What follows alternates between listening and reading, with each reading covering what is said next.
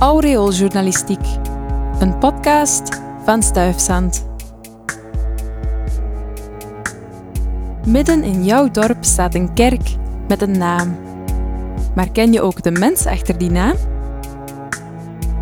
Vandaag vertelt Wivien van Mechelen je het verhaal van Onze Lieve Vrouw op bezoeking, dat in de katholieke kerk gevierd wordt op 31 mei. Het magnifieke Magnificat. Wat hebben Bach, Monteverdi en de kerk van Gelarum met elkaar gemeen? Alle drie brengen zij hulde aan het Bijbelse verhaal van de zwangere Maria die haar bejaarde nicht Elisabeth bezoekt. Die was miraculeus genoeg ook zwanger van het kind dat later Johannes de Doper werd genoemd.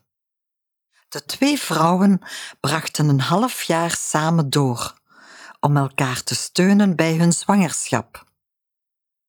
Dat het een vreugdevolle tijd ging worden, was al duidelijk van bij hun eerste ontmoeting.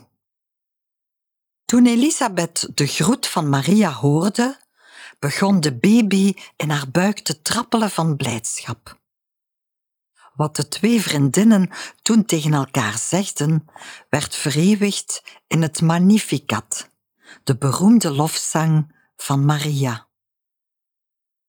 Zowel Bach als Monteverdi hebben deze woorden op muziek gezet. En de kerk van Larum, die kreeg dan weer de poëtische naam Onze Lieve Vrouw Bezoeking, om dit bijzondere familiebezoek te herdenken.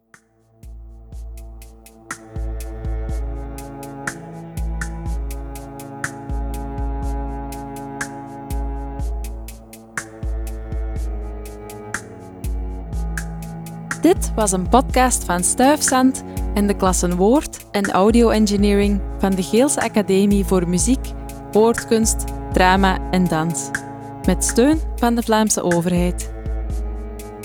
Heb je nog vragen, suggesties of opmerkingen? Laat het ons weten op info.stuifzand.be. Dankjewel voor het luisteren.